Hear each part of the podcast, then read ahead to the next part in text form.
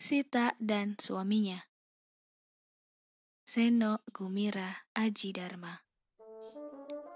Pada hari suaminya mulai menganggur, Sita mendapat pekerjaan. Maka sejak hari itu Sita sudah keluar rumah pukul 6.30 pagi. Ini berarti ia harus bangun pukul 5 untuk menyiapkan segala sesuatunya. Karena meskipun ada Iem di situ, Sita tidak pernah merasa seret kalau segalanya tidak tersiapkan dengan komplit dan sempurna. Havermut untuk anaknya, jangan terlalu panas dan jangan sudah dingin. Roti bakar untuk suaminya, jangan gosong dan tetap hangat. Telur setengah matang untuk keduanya, meler tapi jangan sampai pecah. Beef bacon, jangan sampai sekering dendeng. Susu untuk anaknya, susu kopi untuk suaminya. Keduanya berpasangan dengan orange juice Lantas juga tomato juice yang ini untuk dirinya sendiri. Semua ini harus ada dan jangan sampai nyempal dari kebiasaan. Karena sedikit saja ada yang lain, anak dan bapak lebih suka tidak makan. Pukul 7 pagi ia sudah berada di atas bus kota. Baru saja berdandan sudah langsung keringatan.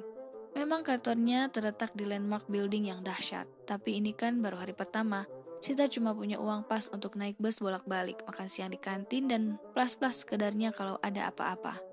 Sebulan kemudian, setiap kali pulang ke rumah dalam keadaan sudah loyo, antara pukul 21 sampai 22, atau kadang-kadang 23, suaminya mulai ngomel. Kerja apa sih? Kamu bukan wartawan, bukan waitress, bukan hostess, bukan pula penyanyi malam. Kok pulangnya malam terus? Aku juga tidak tahu apa nama pekerjaanku ini. Pokoknya bagian disuruh-suruh lah. Kok mau disuruh-suruh? Namanya juga bekerja. Kamu kan tahu apa artinya bekerja. Tidak semua perusahaan manajemennya beres, agaknya termasuk perusahaan tempat Sita bekerja. Satu kali ia jadi petugas bagian promosi, kali lain bagian iklan, kali lain lagi disuruh jadi sekretaris. Terakhir, tugasnya adalah menawarkan asuransi. Baru sebulan ia sudah empat kali pindah bagian. Memang betul-betul gawat. Kenapa harus malam pulangnya? Karena para calon nasabah hanya punya waktu malam hari untukku. Kenapa harus di kafe? Karena kantor calon nasabah sudah tutup saat mereka pulang. Kami hanya bisa ketemu di kafe. Apa kamu mau aku menerang-nerangkan asuransi di halte bus? Mereka mau masuk asuransi karena kamu cantik. Bukan. Mereka mau karena kalau mati mendadak, keluarganya langsung terjamin. Eh, Pertengkaran kecil makin lama makin menjadi. Sita sudah tidak punya kemampuan lagi menerang jelaskan segala sesuatu kepada suaminya yang selalu cemburu dan curiga, serba penuh syak dan wasangka. Begitu amat sih laki-laki, pikirnya. Padahal aku pun tahu pengangguran ini bukan salahnya, bukan karena ia tidak mampu bekerja. Puncaknya, suaminya mencak-mencak ketika ada calon nasabah mengantar pulang dengan mobil BMW. Keluar dari pekerjaanmu sekarang juga, atau kita bercerai, Setahun kemudian, suaminya mengaku mendapat pekerjaan baru. Sita juga tidak tahu persis pekerjaan suaminya, dan suaminya itu rupa-rupanya malas betul bercerita apa pekerjaannya sekarang.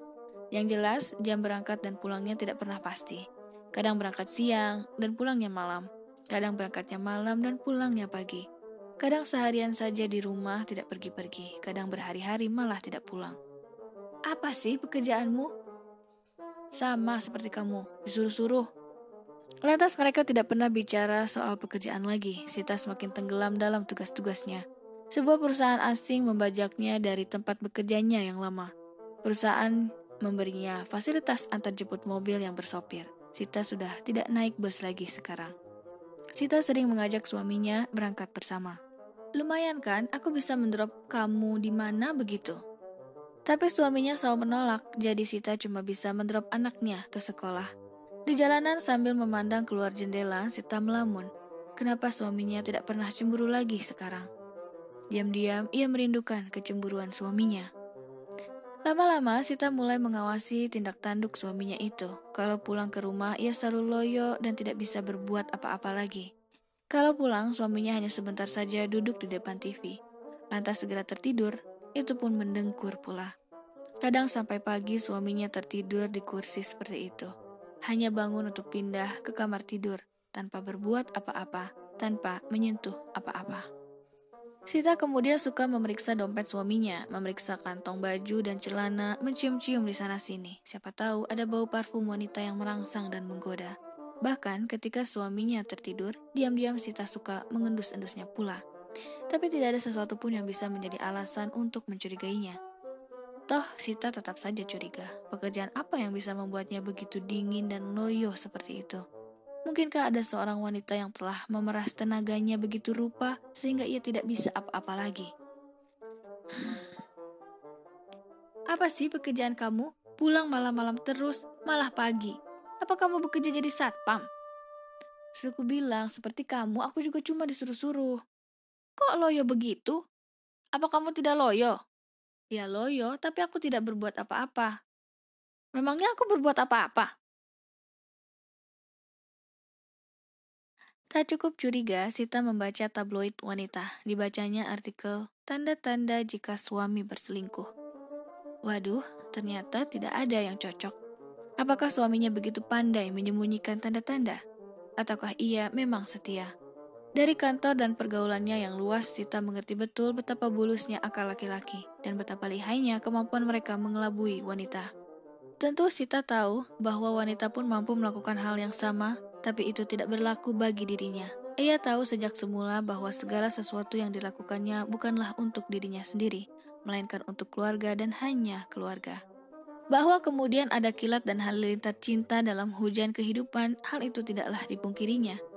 Namun Sita adalah tetap Sita yang tiada akan pernah melepas payungnya. Jangan tinggalkan aku. Ia berbisik ke telinga suaminya. Hmm, Begitulah selalu, suaminya sudah tertidur. Di langit malam tampak rembulan yang terang. Sita memandangnya dari balik genting kaca sambil menghela napas. Di kamar anaknya, ia memandang putrinya yang mungil.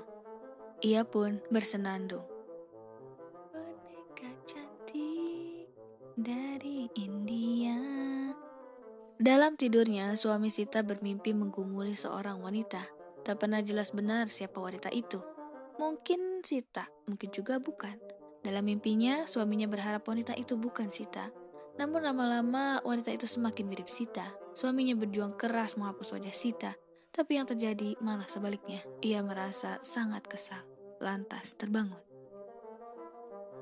Ada apa? Ia melihat Sita dalam baju daster yang lembut warnanya. Apa yang bisa dilakukan seorang suami untuk istrinya? Aku mimpi kamu, katanya. Oh ya, sedang apa aku? Sita mengelus kepala suaminya yang beranjak ke lemari es mencari bir kalengan. Sambil membuka bir itu, ia memandang Sita yang duduk di tepi tempat tidur. Diakuinya, segala hal yang baik ada dalam diri istrinya. Angin melambaikan gorden dari balik jalusi. Lelaki itu menenggak bir sambil selintas berpikir. Apakah akan mengaku bermimpi menggumuli Sita saja atau juga seorang wanita lain.